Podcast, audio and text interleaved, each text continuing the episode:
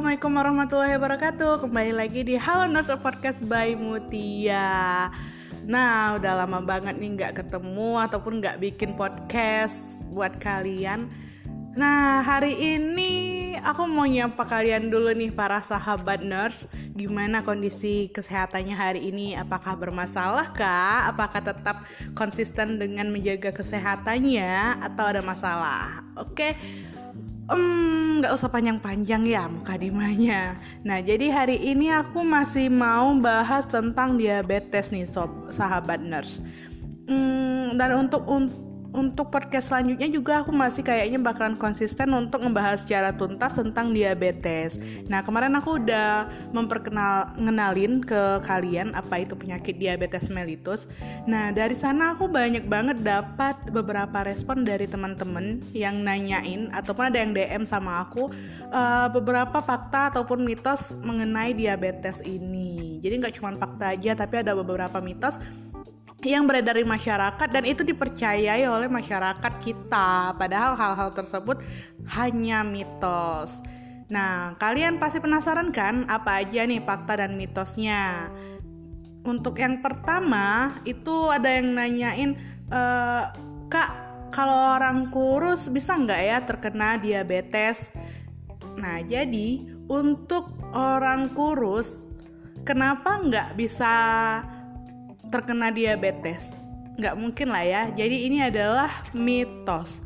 Nah jadi untuk penjelasannya berat ber, badan berlebih itu adalah salah satu faktor resiko dari diabetes. Jadi eh, dari sinilah mulai beredarnya ataupun munculnya mitos dan fakta tentang orang kurus ini nggak bisa terkena diabetes. Meskipun obesitas berpotensi untuk memicu diabetes, tetapi orang dengan berat badan yang normal maupun di atas normal juga bisa mengidap uh, diabetes, teman-teman. Nah, bahkan ada suatu penelitian nih bahwa penderita diabetes yang memiliki berat badan normal mempunyai resiko kematian yang lebih tinggi daripada penderita diabetes dengan berat badan berlebih.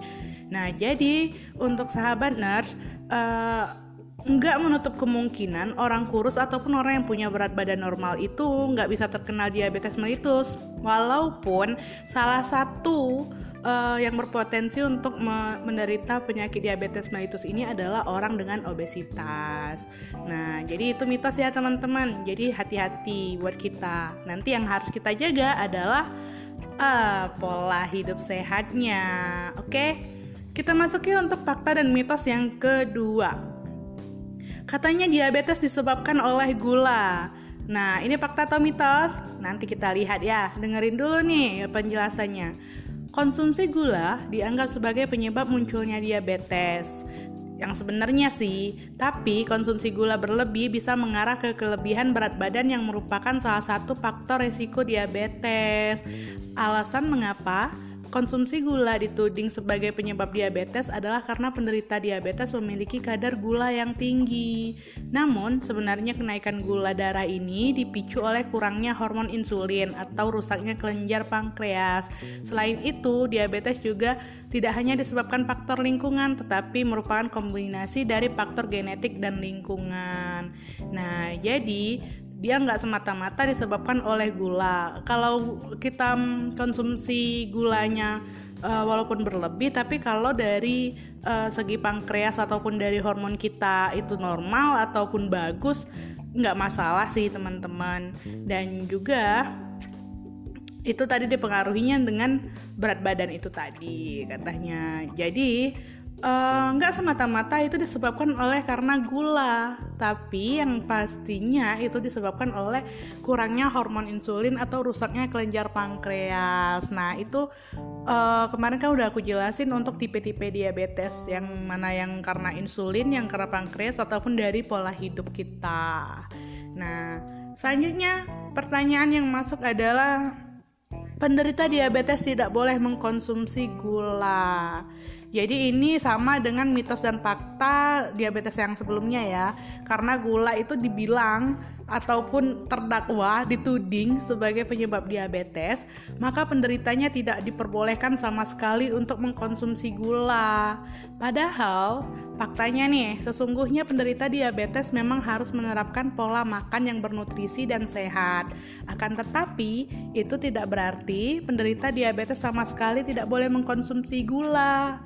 Nah, penderita diabetes masih bisa mengkonsumsi gula asal dengan takaran yang secukupnya atau sesuai dengan yang disarankan oleh dokter.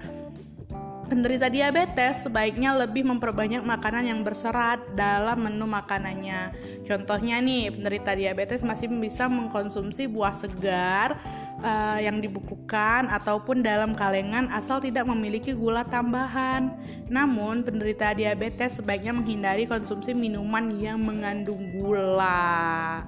Nah, jadi nggak semata-mata dia tetap punya yang namanya tubuh kita kita butuh gula untuk sebagai energi kita. Tapi lebih baik itu gulanya yang lebih alami yang dari buah-buahan. Terus jangan lupa ya jangan lupa konsumsi makanan dan minuman yang banyak nutrisi dan serat. Oke? Itu untuk yang masalah gula si manis itu tadi Selanjutnya nih buat sahabat nurse, penderita diabetes tidak boleh berolahraga. Wah, ini sudah pasti mitos ya, sahabat nurse. Kenapa? Jadi di sini mitos dan fakta diabetes tidak hanya berkisar pada jenis makanan dan penyebabnya, tetapi juga berpusat pada kegiatan olahraga. Kenyataannya nih, penderita diabetes justru dianjurkan untuk berolahraga, malahan harus setiap hari nih, sahabat nurse karena olahraga dapat membantu untuk menurunkan kadar gula darah. Penderita bisa mengukur kadar gula darah 30 menit sebelum berolahraga dan setiap 30 menit saat olahraga. Namun, penderita diabetes perlu berkonsultasi dengan dokter mengenai jenis olahraga yang boleh dilakukan. Oh ya, aku mau ingatin juga nih buat uh, sahabat nurse yang keluarganya mungkin rajin berolahraga tapi jangan lupa ya yang untuk bapak-bapak ibu-ibunya menggunakan alas kaki. Jadi banyak nih mitos-mitos yang mengatakan bahwa jalan pagi itu di kerikil-kerikil itu bagus untuk pasien diabetes mellitus. Emang bagus sih, tapi punya uh, pasien diabetes mellitus itu rentan untuk luka. Jadi nanti ada kerikil ataupun pasir yang tajam itu nanti akan menyebabkan luka. Itulah kadang yang membuat penderita diabetes ini secara tidak sadar tiba-tiba udah ada luka itu dari pasir ataupun kerikil yang tertusuk dan mereka tidak merasakan itu akibat adanya kebas yang terjadi pada kaki mereka. Jadi, kalau mau olahraga sangat disaranin nih, tapi jangan lupa ya pakai alas kakinya. Jadi pilih juga, konsultasiin juga sama dokternya kegiatan olahraga apa yang sesuai dengan uh, penderita diabetes yang sahabat nurse lagi rawat. Oke. Okay? Selanjutnya kita masuki fakta dan mitos seputar diabetes mellitus si manis ini. Apa sih mitos dan fakta untuk si manis ini? Uh, katanya penderita diabetes itu harus mengikuti diet khusus. Nah, penderita diabetes tidak berarti harus menjalani diet ketat yang khusus, sahabat nurse. Pada dasarnya, penderita diabetes juga mengkonsumsi makanan yang sama dengan orang-orang lainnya. Jadi penderita diabetes perlu mengkonsumsi makanan yang bernutrisi dan sehat yang sesuai dengan standar pola makanan sehat umumnya. Meskipun demikian, penderita diabetes perlu berdiskusi dengan dokter untuk menata menu makanan yang bergizi imbang karena nanti ada beberapa makanan-makanan yang tidak boleh diberikan kepada uh, pasien diabetes mellitus ini. Uh, ini insya Allah akan aku bahas di episode selanjutnya ya teman-teman tentang dietnya akan kita bahas secara tuntas. Oke, selanjutnya Katanya penderita diabetes itu nggak boleh melahirkan. Nah, ini untuk perempuan nih khususnya. Ya nggak mungkin lah buat laki-laki ya kan. Nah, katanya penderita diabetes yang mampu menjaga kadar gula darahnya tidak perlu khawatir nih dengan komplikasi-komplikasi yang akan melanda saat proses persalinan. Jadi penderita diabetes juga bisa melahirkan secara normal sahabat nurse, tetapi harus tetap berada dalam pengawasan dokter selama kehamilan agar uh, bisa melahirkan dengan aman nih sahabat nurse. Jadi selama kehamilannya itu kita harus kontrol dar uh, gula darahnya secara terus menerus jadi nggak masalah. Jadi jangan ketika kalian uh, diponis nih oh diponis ataupun didiagnosa ya bahasa halusnya diagnosa bahwa kalian ini terkena penyakit diabetes mellitus. Padahal kalian baru nikah nih kalian pengen punya anak. Jadi nggak masalah. Ini nggak membuat kalian nggak bisa punya anak kok penyakit ini. Uh, selama gula darah kalian terkontrol, ini aman-aman aja sih. Oke, selanjutnya. Katanya penyakit diabetes itu adalah penyakit keturunan. Ini untuk fakta dan mitos yang ketujuh ya, sahabat nurse. Jadi penyakit diabetes itu terkadang masih dianggap sebagai penyakit genetik atau penyakit yang diturunkan. Faktanya penyakit diabetes bisa saja menyerang meskipun Anda tidak memiliki kerabat dengan penyakit diabetes. Nah, kenapa? Karena gaya hidup adalah salah satu faktor yang bermain dalam resiko terkena diabetes. Selain gaya hidup, masih terdapat banyak faktor lain yang juga turut berperan dalam kemunculan penyakit diabetes. Jadi buat kalian yang keluarganya eh, nggak uh, punya riwayat penyakit diabetes, jangan tenang-tenang aja nih. Jangan kebablasan aja untuk nggak menjaga pola hidup sehatnya.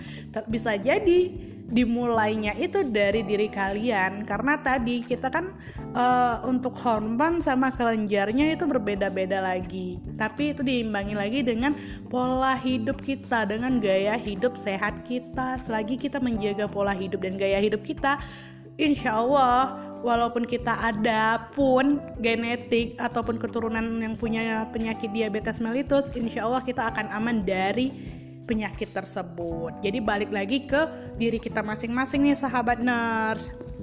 Jadi buat kalian yang misalnya keluarganya nih kayak aku, ibuku itu terkena penyakit diabetes mellitus nggak berarti aku nanti akan terkena penyakit diabetes mellitus makanya mulai dari sekarang aku udah mulai menjaga uh, pola hidup sehatku dengan olahraga walaupun masih jarang sih tapi aku sangat mengurangi dengan untuk makanan-makanan uh, yang tidak boleh dikonsumsi oleh orang-orang diabetes mellitus. Nah, besok aku akan jelasin itu lagi ya buat kalian. Selanjutnya, katanya penyakit diabetes ini memiliki gejala yang jelas. Nah, jadi penyakit diabetes bukanlah penyakit yang tidak menimbulkan gejala, hanya saja tanda-tanda dari gejalanya sering kali terlewatkan karena tidak terlalu jelas kecuali uh, terutama gejala dari diabetes tipe 2.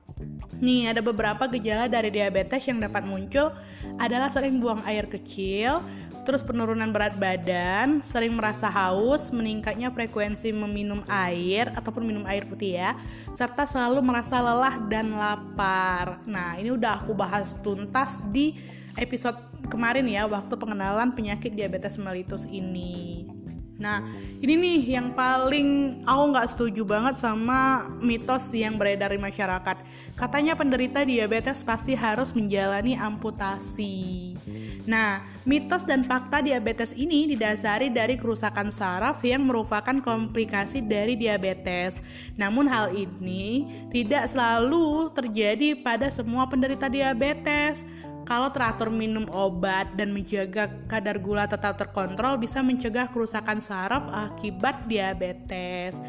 Nah, penderita diabetes juga perlu waspada terhadap luka yang terjadi pada kulit, khususnya pada bagian telapak kaki. Memeriksa kaki secara rutin dapat mencegah kemunculan kerusakan saraf yang parah dan berujung pada amputasi. Uh, untuk di zaman sekarang kayaknya Pak sahabat nurse nggak usah khawatir tentang amputasi ini.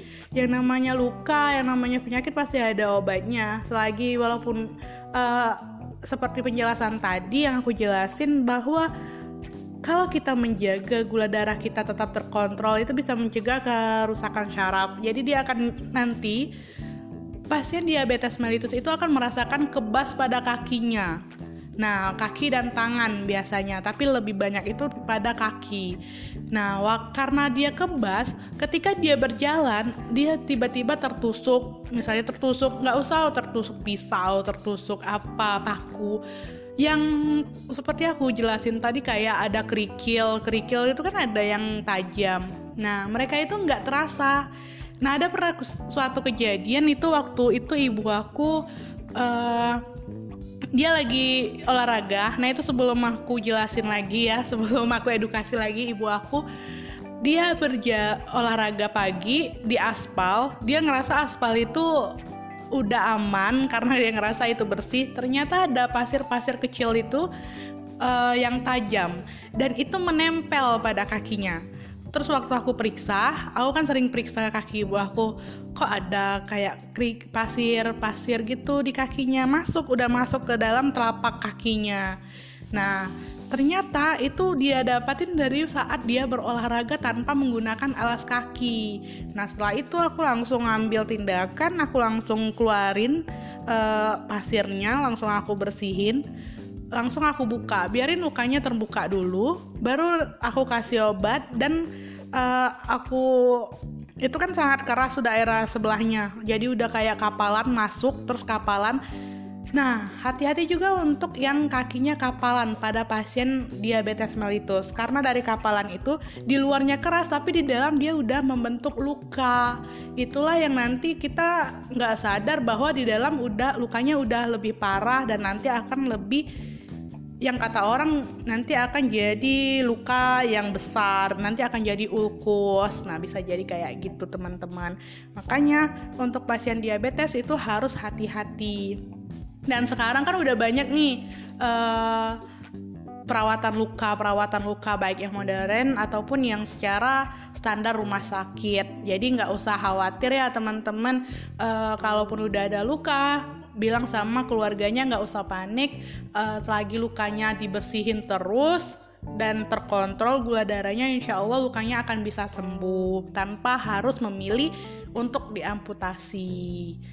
Nah selanjutnya oh ini untuk fakta dan mitos yang terakhir dari pertanyaan teman-teman yang masuk ke aku.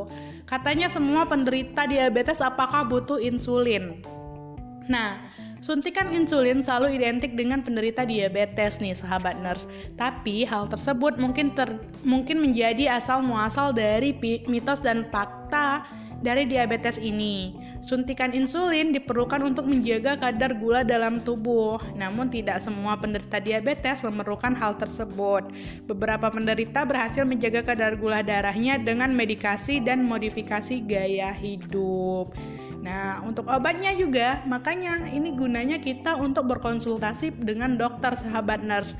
Jadi nanti ada yang bisa menggunakan suntikan insulin, Uh, nanti itu ada kadar-kadarnya mana dia yang harus dapat suntikan insulin mana yang enggak. Mana yang dia hanya dari modifikasi gaya hidup ataupun dia hanya mengkonsumsi obat yang seumur hidup itu Nah, aku mau ingetin nih buat sahabat sahabat nurse yang keluarganya menderita penyakit diabetes, jangan lupa minum obatnya setiap hari. Karena uh, kemarin pernah ada yang nanyain sama aku, boleh nggak ya kalau kita pakai obat tradisional aja. Ataupun aku mau beralih ke herbal nih. Aku takut uh, obat kan kalau yang kimi dari bahan kimia nanti banyak efek sampingnya. Nah jawabanku adalah boleh menggunakan herbal tetapi selalu harus mendampingi dengan medis. Karena apa? Karena herbal nanti nggak bi ketika herbalnya herbal nih kan kayak uh, cocok-cocokan juga ya. Ketika nanti sama orangnya nggak cocok herbalnya, tiba-tiba nggak gula darahnya nggak terkontrol. Sedangkan yang dari medisnya, dari obat, uh, dari obatnya yang nggak dikonsumsi lagi, tiba-tiba gula darahnya udah tinggi, terus pas udah drop baru sadar bahwa kadar gulanya udah sangat tinggi. Nah, jadi, kalaupun kalian ingin ke herbal, tapi harus didampingi dengan jangan pernah putuskan untuk medisnya nih sahabat nurse. Jadi dampingin lah. Kalau kalian ingin uh, herbal herbal tapi tetap untuk dari medisnya seperti obat-obatannya tetap harus dikonsumsi setiap hari. Jadi gula darah kalian lebih terkontrol. Jadi nggak ada lagi nanti istilahnya terlambat. Nanti udah sampai ke titik ngedrop ataupun sangat tinggi kadar gula darahnya udah nggak terkontrol lagi baru akhirnya nyalahin nah jadi jangan sampai terlambat ya nih sahabat-sahabat nurse Oke, kayaknya udah dulu untuk beberapa fakta dan mitos seputar diabetes mellitus ini, sahabat nurse.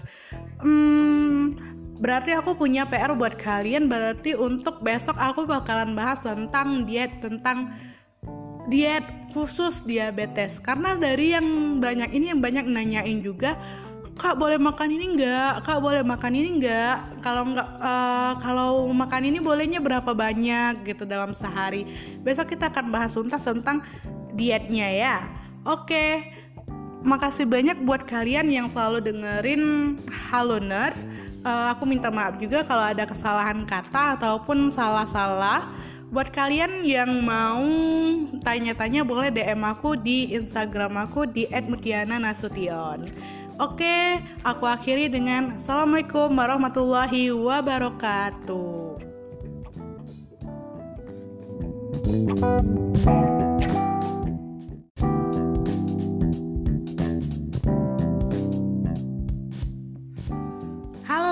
Assalamualaikum warahmatullahi wabarakatuh. Kembali lagi di Halo Nurse Podcast by Mutia. Selamat malam para sahabat nurse, semoga kalian dalam keadaan sehat selalu dan selalu konsisten ya dalam menjaga kesehatannya. Uh, sahabat nurse, untuk malam ini aku mau ngebahas sesuatu yang lagi viral di dunia persosmedan maupun di dunia nyata khususnya di dunia nyata di kotaku nih sahabat nurse yaitu di kota Jambi. Nah sedikit cerita untuk sahabat nurse. Jadi dua hari yang lalu itu aku sedang dapat libur dan off dari kerjaan. Dan aku memutuskan untuk pulang ke rumah orang tuaku yang jaraknya lumayan jauh dari kota Jambi Nah, sahabat nurse, biasanya nih HP aku tuh selalu sunyi, damai, tentram, senyap. Tiba-tiba sahabat nurse, HP aku yang semulanya sunyi itu tiba-tiba menjadi ramai, menjadi rio dan nama aku itu di mention di mana-mana. Baik itu di uh, Instagram maupun di WhatsApp dan banyak yang langsung ngechat langsung ke aku yang menanyakan hal ini dan untuk mengkonfirmasi apakah hal ini benar terjadi. What? Benar nggak sih uh, hal ini terjadi di rumah sakit tempat kamu bekerja? Mood bener nggak sih hasilnya positif? Mood bener nggak sih emang di rumah sakit Raden Matahir terjadi hal ini? Nah, aku yang lagi op, yang lagi posisinya lagi libur dan menikmati liburan, tiba-tiba aku jadi bingung apa sih mereka sedang bicarain ini? Apa sih kok banyak banget yang nanya hal-hal ini? Nah jadi aku coba cari tahu. Ternyata sahabat nurse ada sesuatu ada suatu artikel yang mengatakan bahwa satu warga Jambi dinyatakan positif terinfeksi virus corona dan sedang dirawat di ruang isolasi Rumah Sakit Raden Matahir dan hasilnya itu positif. Nah, inilah yang menggemparkan sejagat raya kota Jambi, sahabat Nes. Nah, aku sengaja buat podcast ini buat mengkonfirmasi kepada kalian, buat ngejawab pertanyaan-pertanyaan kalian nih sahabat nurse yang nanyain sama aku langsung. Jadi benar atau tidaknya itu sahabat nurse banyak banget nih artikel yang mengatakan bahwa sudah positif, ada yang mengatakan udah negatif, ada yang mengatakan masih suspek, ada yang mengatakan tiga orang, ada yang mengatakan satu orang ataupun lima orang. Nah banyak banget artikel-artikel yang pendapatnya dan isinya itu berbeda-beda. Jadi saran aku sih untuk para pembaca semoga dapat memfilter bacaan-bacaan dan informasi yang didapat. Nah, untuk kami sendiri yang dari Rumah Sakit Raden Matahir itu tidak bisa membagikan ataupun menceritakan langsung hal-hal yang sedang terjadi di rumah sakit karena itu berkaitan dengan privasi pasien. Nah, tenang aja nih buat sahabat nurse yang ingin tahu, nanti akan ada artikel resmi yang dikeluarkan dari Rumah Sakit Raden Matahir setelah mungkin uh, beberapa hari nanti ataupun setelah hasil keluar ataupun nanti setelah ada persetujuan. Nah, jadi tungguin aja ya sahabat nurse kalau dari kami itu tidak bisa memberitahukan karena tadi yang seperti sudah aku bilang berkaitan dengan privasi pasien.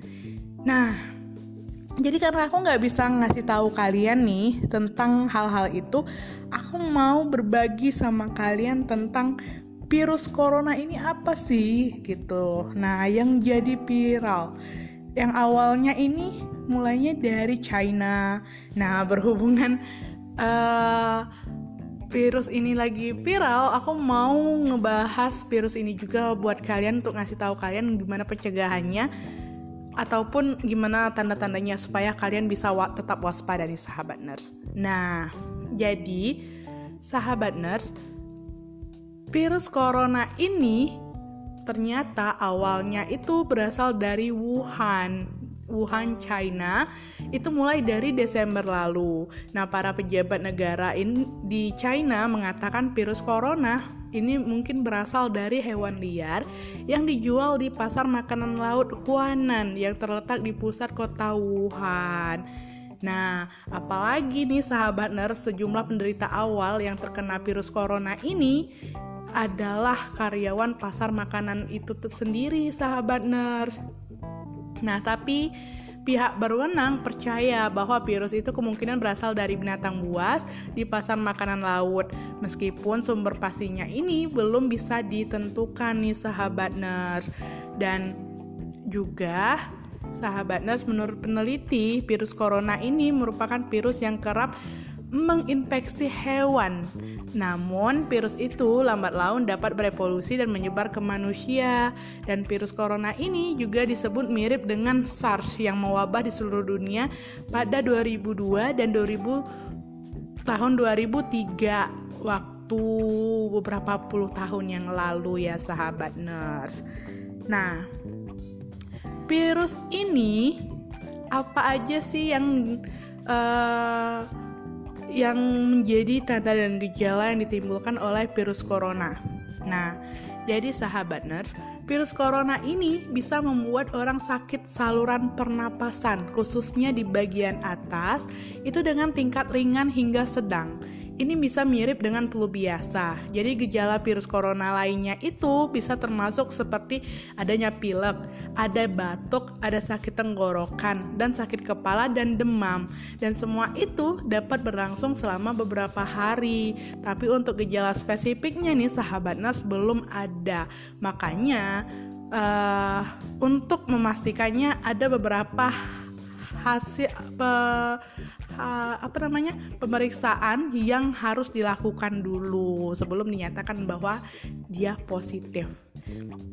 Nah, sahabat nurse, bagi mereka yang memiliki sistem kekebalan tubuh yang lemah, nih misalnya nih pada para orang tua dan anak-anak, itu kan sistem kekebalan tubuhnya masih lemah. Nah, ini ada kemungkinan virus dapat menyebabkan penyakit saluran pernapasan yang lebih serius, seperti pneumonia atau bronkitis, bahkan bisa menyebar menjadi pneumonia dan mengakibatkan kematian jika tidak ditangani dengan segera. Nah, inilah yang membuat virus corona ini ditakuti oleh orang-orang karena dia dapat berakibat fatal dan menyebabkan kematian. Nah, di Cina sendiri itu telah menyebabkan eh, uh, 25 kematian untuk pada di tanggal berapa kemarin dan sekarang itu sudah semakin meningkat sahabat nurse. Jadi perlu waspada karena dia dapat menyebabkan sesuatu yang fatal yaitu kematian sahabat nurse.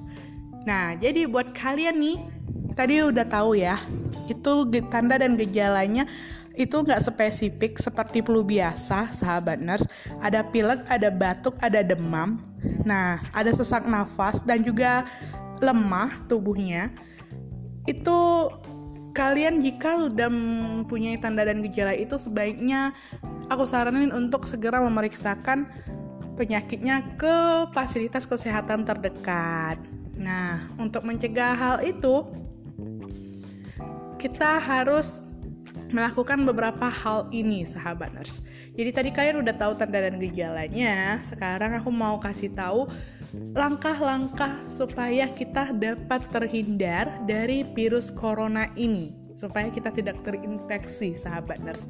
Nah, yang pertama itu rutin cuci tangan dengan sabun sebelum dan setelah beraktivitas sahabat nurse. Jadi jangan lupa nih kalian untuk mencuci tangan, cuci tangan dengan 6 langkah ya sahabat nurse. Nah, lalu konsumsi makanan bergizi seimbang dan pastikan makanan yang akan dikonsumsi telah dimasak hingga matang sempurna. Nah, nih sahabat nurse, untuk kalian pastikan makan makanan yang udah matang ya dan hindari makan yang masih setengah-setengah matang. Uh, seperti apa gitu makanannya untuk beberapa saat ini. Nah, lalu perkuat sistem kekebalan tubuh dengan banyak minum air putih dan rutin berolahraga dan jangan lupa sahabat nurse istirahat yang cukup. Nah, ini yang selanjutnya. Gunakan masker saat beraktivitas terlebih bila berada di luar ruangan atau fasilitas umum. Karena virus corona ini dia menyebabkan ataupun menyerang saluran sistem pernapasan. Dan dia akan menyebar juga bisa melalui udara salah satunya nih sahabat nurse. Jadi kita harus tetap waspada dan harus menggunakan masker saat beraktivitas terutama nih kalau kalian lagi jenguk pasien di rumah sakit mungkin uh, ataupun kalian sedang nggak enak badan kalian juga sebaiknya menggunakan masker supaya tidak menyebarkan virusnya ataupun terinfeksi virus dari luar. Oke sahabat nurse, selanjutnya Hindari gigitan serangga dengan mengoleskan lotion anti serangga atau menggunakan pakaian tertutup. Karena kita nggak tahu nih, karena katanya penyebabnya adalah hewan. Tapi kita nggak tahu hewan apa yang yang dapat menginfeksi uh, virus corona ini, sahabat nurse. Jadi sebaiknya kita harus tetap waspada dengan hewan ya. Terutama juga pada serangga. Nah selanjutnya batasi kontak langsung dengan orang yang sedang sakit. Nah ini kataku tadi kalau kita lagi jenguk gunakan masker. Ataupun kalau lagi emang bisa ditunda ataupun gak darurat sebaiknya kurangi kontak langsung dengan orang yang sedang sakit nih para sahabat nurse lalu hindari berpergian ke tempat-tempat yang berpotensi menjadi lokasi penyebaran virus. Nah sebaiknya kalian jangan keluar negeri dulu dulu nih sahabat Nars terutama ke China yang ada niatan boleh ditunda dulu rencananya tunggu sampai uh, penyebaran virus ini dapat teratasi. Nah yang terakhir saranku lakukan pemeriksaan kesehatan secara rutin ke dokter. Nah apabila kalian tadi udah ngerasa oh aku pilek batuk hmm, demam udah beberapa hari aku mau periksa dulu. Tapi kalian jangan juga nih sahabat nurse. Aku mau ngasih pesan buat kalian. Jangan menghakimi orang yang sedang sakit juga. Nanti ada orang yang batuk-batuk pilek-pilek langsung dijauhin. Langsung dibilang ih terkena virus corona. Walaupun kalian itu niatnya mau main-main tapi itu nggak lucu sih menurut aku. Soalnya banyak yang beberapa hari ini aku ketemu banyak banyak banget yang ngelakuin hal-hal tersebut. Ada yang sedang batuk ih virus corona virus corona gitu. Jangan ya sahabat nurse. Itu mungkin akan menyakitkan bagi orang tersebut. Dan jangan dijauhi. Uh, kita hindari tapi jangan sampai menjauhi orangnya sahabat nurse. Oke sahabat nurse kayaknya aku cuman mau ngasih beberapa tanda dan gejala dan cara pencegahannya aja. Karena untuk spesifiknya virus corona ini juga belum diketahui baik itu penyebabnya maupun uh, cara mengatasinya langsung. Karena untuk obatnya ataupun vaksinnya sehingga sekarang itu belum ditemukan. Dan yang satu lagi yang menyebabkan penyakit ini sangat berbahaya, penyakit ini tidak bisa diobati dengan antibiotik sahabat nurse. Jadi dia resisten terhadap semua jenis antibiotik. Inilah yang menyebabkan salah satu penyebab mengapa penyakit ini bersifat fatal dan akan menyebabkan kematian. Nah, sahabat nurse, sebaiknya kalian harus menjaga kesehatan kalian mulai dari sekarang untuk menjaga virus ini. Tapi uh, pesan dari aku jangan panik ya sahabat nurse karena sesuatu penyakit itu pasti bisa dicegah jadi jangan panik tetap jaga kesehatan dan lakukan aktivitas kalian seperti biasa Oke sahabat nurse, kayaknya itu aja yang dapat aku sampaikan pada malam hari ini. Selamat beraktivitas dan semoga kalian dalam keadaan selalu sehat. Dan sampai ketemu di episode selanjutnya. Dan aku akhiri, wassalamualaikum warahmatullahi wabarakatuh.